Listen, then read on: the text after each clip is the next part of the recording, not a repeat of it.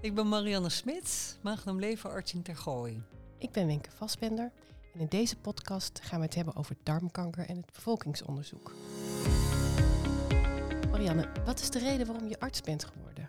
De reden dat ik arts ben geworden is dat ik altijd een sterke interesse heb gehad in het menselijk lichaam. Hoe al onze organen werken van binnen vind ik fascinerend. En met mensen omgaan vind ik fijn. En de persoon achter de patiënt boeit mij. En daarnaast vind ik het helpen van mensen heel mooi om te kunnen doen als arts. Een aandoening aan maag, darm of lever. Wat zijn dan de meest voorkomende aandoeningen? Nou, we zien een heel scala aan aandoeningen. Uh, ik zal er een aantal van noemen, onder andere spastische darm, waarbij mensen vaak last hebben van buikpijn of problemen met de stoelgang. Dat is vaak een, aan, een afwijking van de beweeglijkheid van het maag-darmkanaal. Uh, nou, bijvoorbeeld een breuk in het middenrif. Kan klachten geven eh, van zuurbranden. Het klepje tussen de slokdarm en de maag staat dan open. We zien bloedingen van het maag-darmstelsel, galstenen, chronische ontstekingsziekten zoals ziekte van Crohn, uh, leverproblemen die vaak ontstaan zijn door alcohol. en tot slot dan ja, kankerpatiënten. En dan kan het gaan om slokdarmkanker, maag, darm, overvlesklier, galblaas of leverkanker. Ja, een heel scala. Nou. Inderdaad zeg. Maar vandaag in deze podcast gaan we het hebben over darmkanker. Wat is dat precies? Ja, darmkanker is uh, een kwaadaardig gezwel, ook wel een tumor genoemd, in de dikke darm. En die tumor die ontstaat uit een polyp. Een polyp is een goedaardig uitgroeisel van de binnenkant van de darm. Het kenmerk van een goedaardige afwijking is dat het beperkt blijft tot de plek waar het is ontstaan. Het is begrensd. Maar helaas kan 5% van die polypen in de loop van de jaren kwaadaardig worden. En dan noemen we darmkanker. En een kenmerk van kwaadaardig is dat het zich niet meer aan die begrenzing houdt. Het gaat door de wand van het orgaan heen groeien, in dit geval door de darmwand heen, als je er niks aan doet. En het kan zich dan verspreiden tot buiten de darmwand, tot ook in de lymfklieren. Later ook zelfs via de bloedbaan naar andere organen. Dan noem je het uitzaaiingen. Dus inderdaad, een, een darmkanker is een specifieke vorm van kanker. Dat heeft het woord ook in zich voor uh, een leek. Um, hoe vaak komt het voor? Nou, darmkanker komt voor bij ongeveer 1 op de 20 mensen. 1 op de 20? Ja, dat betekent dat 5% van alle mensen darmkanker krijgt. Uh, mannen hebben meer kans om darmkanker te krijgen dan vrouwen.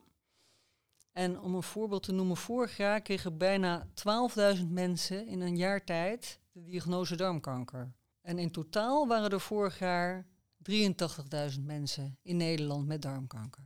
Dus dat zijn behoorlijke aantallen. Ja, als je het uh, inderdaad in de aantallen uh, noemt en percentage, dat is echt, echt gewoon heel veel mensen die dat uh, dus ja, kunnen krijgen. En je, het komt dus veel voor. Is er ook nog verschil in de aantallen die je net noemde in deze regio versus het hele land? Nou, in het Gooi wonen meer oudere mensen dan in de rest van het land. En hoe ouder je bent, hoe, meer, hoe groter de kans is op het krijgen van darmkanker. En vandaar dat de diagnose hier iets vaker voorkomt. En dat komt dus door de bevolkingssamenstelling in leeftijd. Precies. Ja. De aantallen die spreken voor zich, dat zijn heel veel mensen. Hoe kun je merken dat je mogelijk darmkanker hebt? Ja, de verschijnselen van darmkanker die kunnen als volgt zijn. Het kan zich uiten met bloed en of slijm bij de ontlasting. Uh, onverklaarbaar gewichtsverlies. Loze aandrang, dat betekent dat je een drukkend gevoel hè, bij de anus hebt, uh, gevoel dat de ontlasting moet komen, maar er komt niks. Of een blijvende verandering in het ontlastingspatroon, dus dat het anders is dan wat je gewend bent. En bij bloed in de ontlasting is het in ieder geval altijd een reden om het te melden bij de huisarts. Dat zijn ook wel heldere signalen. Waar het niet dat bloed in de ontlasting, dat kun je zien als je een toilet hebt die daarvoor geschikt is. Uh, heel praktisch te schetsen. Dat je even omkijkt, als ik het met een, een knipoog mag zeggen. Maar dan, dan kun je dat wel waarnemen. Dat is echt belangrijk. Ja, het blijft gewoon altijd eigenlijk belangrijk om hè, je eigen ontlasting eens in de zoveel tijd te bekijken. Ik denk dat veel mensen wel eens gehoord hebben van het bevolkingsonderzoek rondom uh, darmkanker. Heeft het zin om daar mee te werken? Ja, naar mijn idee heeft het zeker zin. Het doel van het bevolkingsonderzoek is namelijk om darmkanker of een voorstadium van darmkanker zo vroeg mogelijk te ontdekken. Want vroege ontdekking maakt de kans op succesvolle behandeling en genezing groter. Uh, en bij het bevolkingsonderzoek is aangetoond dat de voorstadia van darmkanker en darmkanker zelf in een vroeger stadium ontdekt wordt dan dat je zou wachten tot mensen klachten hebben. Dat is een heel mooi eh, iets wat bereikt wordt met dit onderzoek. En mits in een vroeg stadium ontdekt, is darmkanker een van de best behandelbare vormen van kanker. En daarmee is een bevolkingsonderzoek een vorm van preventie die bewezen uh, nut heeft. Ja. Voor wie is dit bevolkingsonderzoek en waarom? bevolkingsonderzoek darmkanker is voor alle mensen in de leeftijdsgroep van 55 tot 75 jaar. Uh, reden om bij 55 jaar te starten is dat darmkanker vanaf deze leeftijd het vaakst voorkomt. Een reden om te stoppen bij de leeftijd van 75 jaar is dat als mensen hè, voor het laatst hebben meegedaan rond hun 75ste, dan is de kans dat ze in de 10 jaar daarna nog darmkanker krijgen is maar heel klein. Dat komt omdat polypen maar heel langzaam groeien. En het duurt meestal minstens 10 jaar voordat een polyp mogelijk uitgroeit tot darmkanker. Je zegt dat tussen de 55 en 75 jaar, voor zowel mannen als vrouwen, dat dat de doelgroep is met ook een, een duidelijke reden voor die 75 jaar dat het dan niet meer nodig is. Precies. Zo'n bevolkingsonderzoek uh, kan me best goed voorstellen dat mensen dat uh, spannend vinden. Kun jij uh, beschrijven hoe zo'n bevolkingsonderzoek verloopt? Een bevolkingsonderzoek darmkanker bestaat in eerste instantie uit een ontlastingstest die mensen thuis kunnen doen. Vanaf 55 jaar krijgen alle mensen in Nederland via de screeningsorganisatie een envelop thuisgestuurd met een uitnodiging voor deelname aan de ontlastingstest. En mensen beslissen dan zelf of ze wel of niet meedoen. En als ze meedoen, kan de ontlasting in een buisje worden opgestuurd naar een speciaal laboratorium. En hier wordt gekeken of er bloed in de ontlasting zit.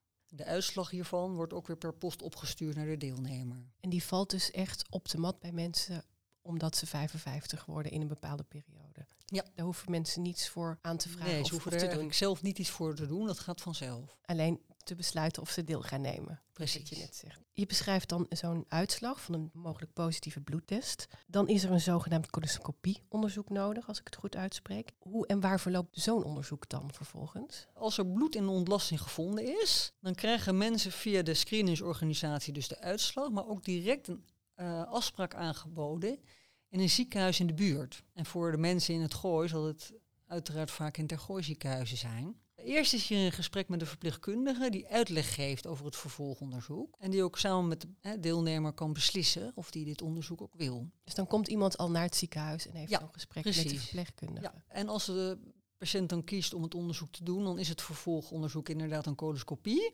Dat is een kijkonderzoek van de dikke darm hè, met de slang en de camera van onderen. En op die manier kan dus gekeken worden of er ja, polypen zijn of darmkanker. Kan er zo nodig weefsel worden afgenomen. En als er polypen worden gevonden, kunnen die meestal direct verwijderd worden. Tijdens dit onderzoek Ja. al.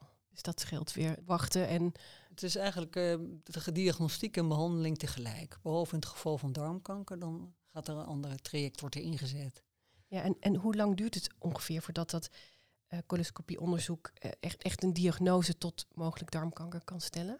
Op de dag dat de coloscopie plaatsvindt, krijgt de patiënt direct een uitslaggesprek met de arts over de coloscopie.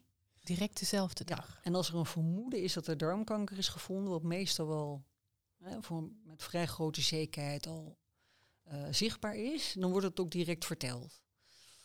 Eh, die hapjes weefsel die genomen zijn om de diagnose helemaal zeker te stellen, dat duurt ongeveer een week. Eh, maar in de tussentijd wordt alvast bloedonderzoek aangevraagd, vaak een CT-scan eh, en soms ook een MRI-scan. En hierbij kan het stadium van de kanker worden vastgesteld. En dat betekent dan op zo'n moment toch een, een vrij onzekere periode voor de patiënt. Zeker, ja. Dat zeg ik ook altijd tegen mensen. Van, nou, dit is eigenlijk soms de moeilijkste periode. Hè, want u krijgt wel al slecht nieuws te horen. Maar hè, u moet nog wachten op verdere uitslagen, het stadium en, en wat is er aan behandeling mogelijk. Vaak Ja. een onzekere periode. Vandaar dat we dat altijd proberen natuurlijk zo kort mogelijk eh, te houden. Mensen zo snel mogelijk duidelijkheid krijgen. En eh, ja, op, die op de CT-scan wordt dus gekeken hoe groot de tumor is. eh, of er lymfeklieren zijn aangedaan en of er uitzaaiingen zijn in de organen zoals de lever en de long. En binnen 1 tot 2 weken na de endoscopie is dit helemaal rond en kunnen we een behandeling voorstellen.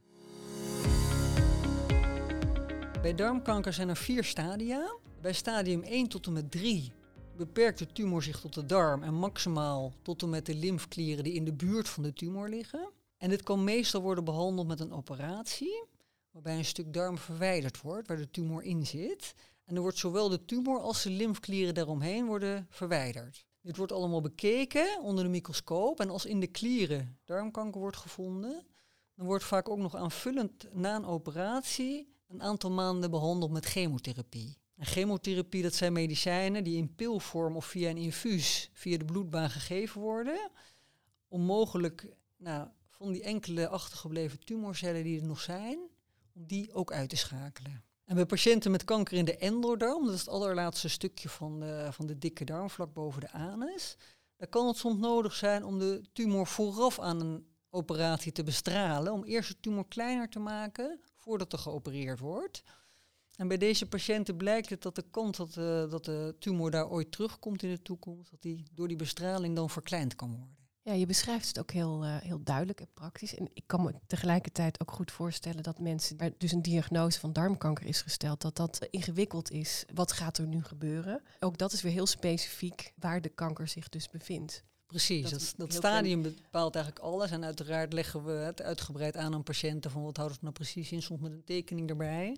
Hè, dat je echt precies kan uitleggen van wat betekent het allemaal. En, uh, ja, en soms moet je het ook misschien wel vier keer uh, horen of precies. vertellen. Maar dat ja. uh, luisteraars kunnen het niet zien. Maar met een glimlach dat dat ook heel belangrijk is dat dat bij herhaling wordt gedaan. Wat betekent als er ook mogelijk uitzaaiingen zijn? Kom je dan bij een andere arts terecht? Uitzaaiingen naar andere organen? Nou, op het moment dat er uitzaaiingen zijn ergens in het lichaam, dan spreek je, spreek je van stadium 4 van de darmkanker. En het komt helaas bij ongeveer 20% van de mensen voor op het moment van de diagnose. Dat is best veel. Ja, uh, als uitzaaiingen echt beperkt zijn in lever of longen, qua aantal of qua grootte, dan kan het soms toch nog mogelijk zijn om deze weg te halen met een operatie. Of soms zelfs met bepaalde technieken dat ze weggebrand worden. Maar vaak komen patiënten met uitzaaiingen in aanmerking voor chemotherapie, waarbij je dus niet altijd alle kanker kan wegkrijgen, maar waarbij het doel is om de uitzaaiingen te verkleinen of te stabiliseren. Alle patiënten met darmkanker worden individueel besproken in ons team,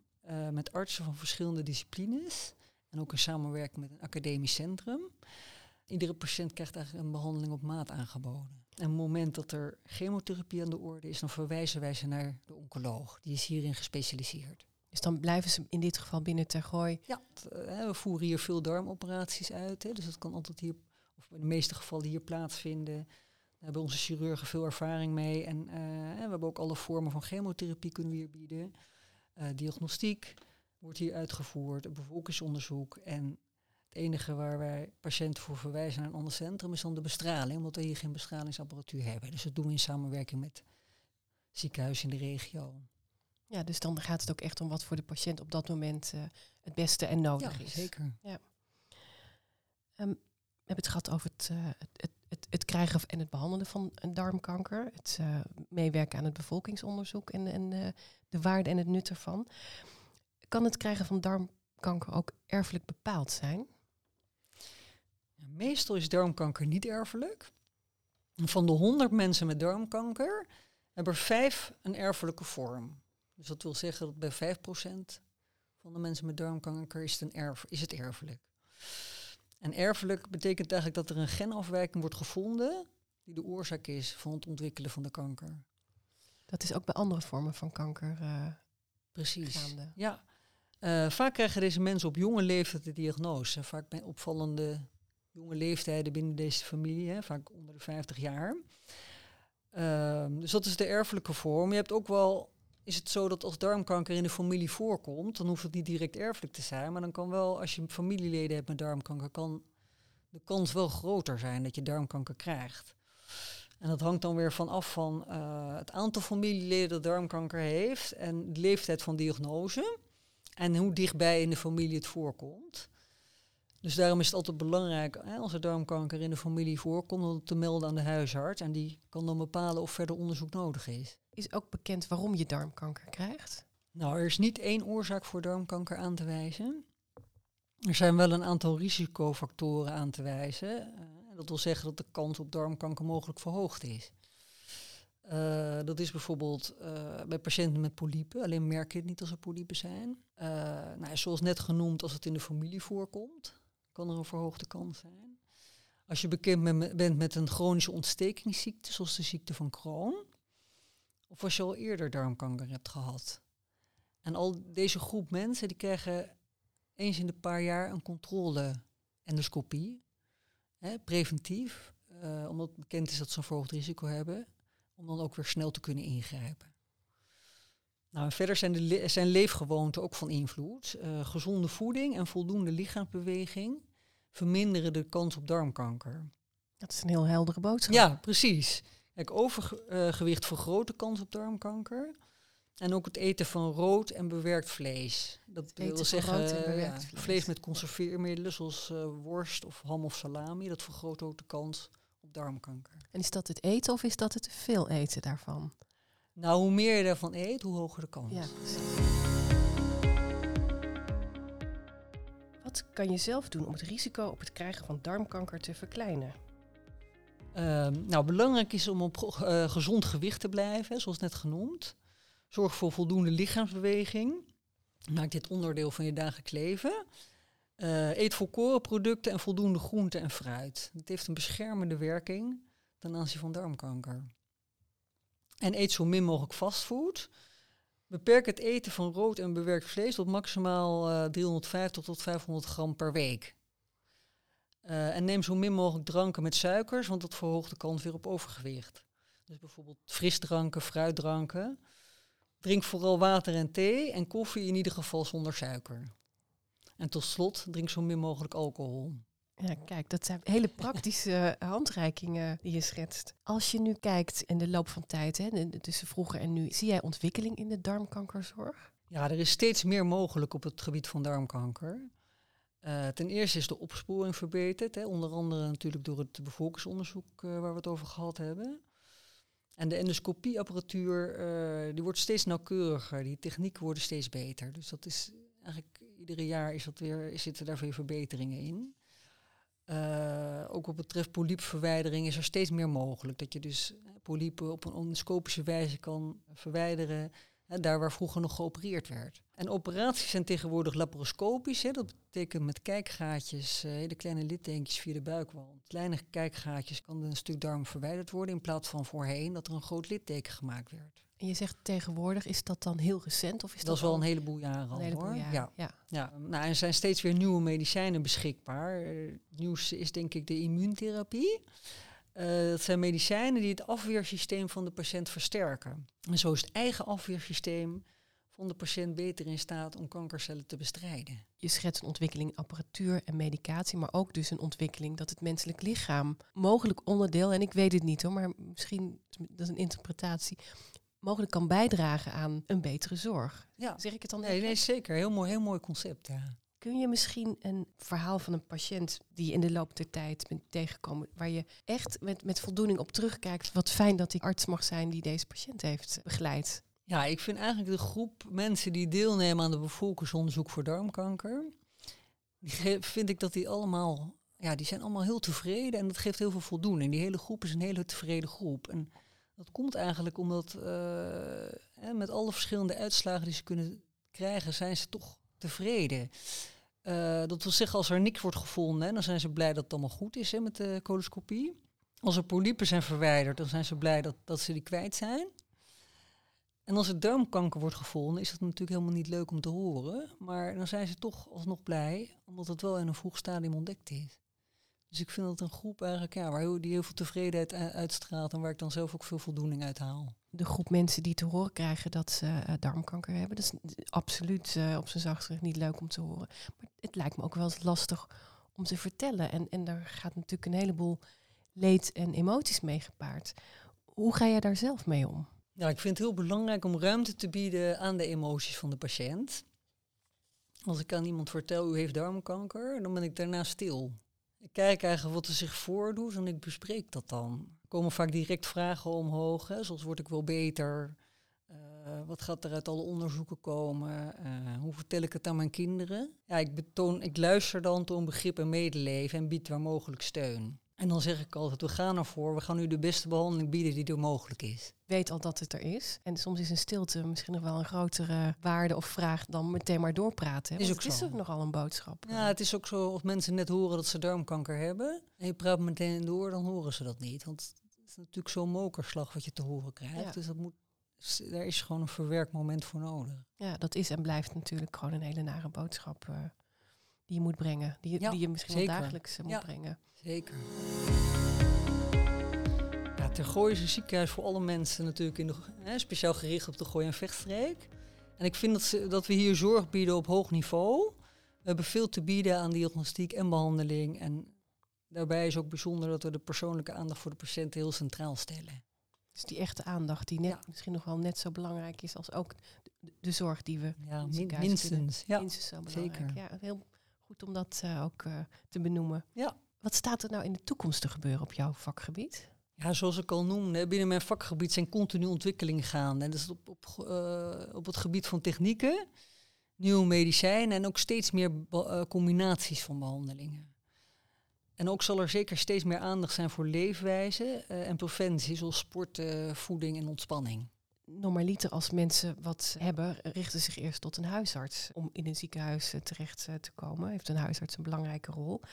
Hoe zie jij de rol van de huisarts in dit hele proces? De huisarts heeft zeker een hele belangrijke rol. Ook op het gebied van preventie hè, en lifestyle. Eh, maar ook zeker om juist de patiënten te selecteren voor verwijzing naar het ziekenhuis. En in Tegooi hebben we een hele nauwe samenwerking met de huisartsen. En dat is denk ik heel belangrijk om gezamenlijk het beste te doen voor de patiënt. Waar wil je jezelf eh, vooral op blijven richten? Ja, ik heb zelf affiniteit met eh, positieve gezondheid. Mensen zijn niet hun klacht of hun ziekte. En eh, de focus in de zorg ligt doorgaans wel op de klacht en hoe we deze kunnen oplossen. En positieve gezondheid is eigenlijk een bredere kijk op gezondheid, waarbij meerdere dimensies een rol spelen bij gezondheid. Dus na- naast lichamelijk welbevinden zijn het onder andere mentaal welbevinden.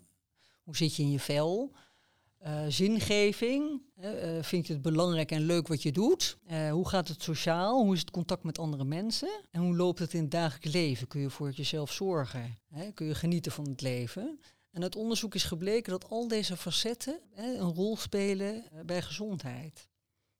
Met deze bredere benadering van gezondheid kan je als arts samen met de patiënt kijken waar verbetering gewenst is en zo ja hoe.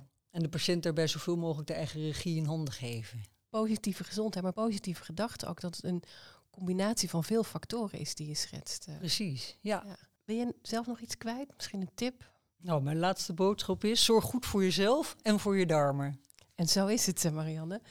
Dank je wel voor dit eh, heldere interview, mooie uitleg. En wij danken de luisteraars voor weer het luisteren naar een nieuwe aflevering van de Tergooi podcast over darmkanker. U kunt eh, ook eh, onze eerdere uitzendingen van de podcast altijd terugbeluisteren via tergooi.nl slash podcast. En heel graag tot de volgende keer. Bedankt.